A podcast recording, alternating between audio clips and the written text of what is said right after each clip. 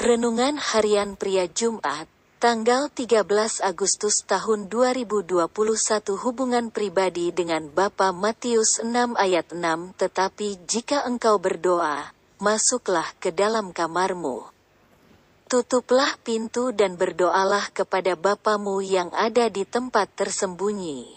Maka Bapamu yang melihat yang tersembunyi akan membalasnya kepadamu. Kalimat masuk ke dalam kamar. Tutuplah pintu dan berdoalah kepada Bapamu yang ada di tempat tersembunyi, selain mempunyai arti doa tidak untuk dilihat dan dipuji oleh orang-orang lain. Itu juga mempunyai arti bahwa doa adalah hubungan pribadi dengan Bapa.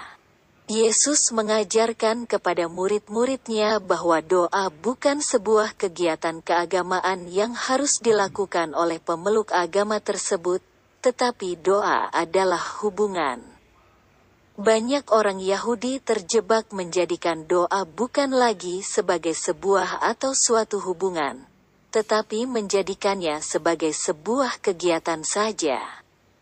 Itu membuat doa-doa mereka menjadi doa hafalan yang diulang-ulang. Mereka lebih mengutamakan apa kata orang lain tentang mereka daripada apa kata Tuhan. Itu sebabnya mereka memamerkan kegiatan-kegiatan doa mereka. Kita juga bisa terjebak sama seperti mereka yang menjadikan doa bukan sebagai sarana untuk membangun hubungan dengan Bapa. Tetapi kita menjadikan doa sebagai suatu kegiatan kekristenan kita.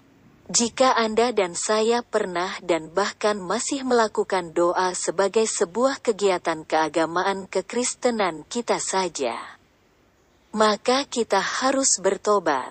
Kita harus kembali kepada apa yang telah diajarkan oleh Yesus, bahwa doa adalah sarana untuk kita membangun hubungan kita dengan Bapa kita di sorga.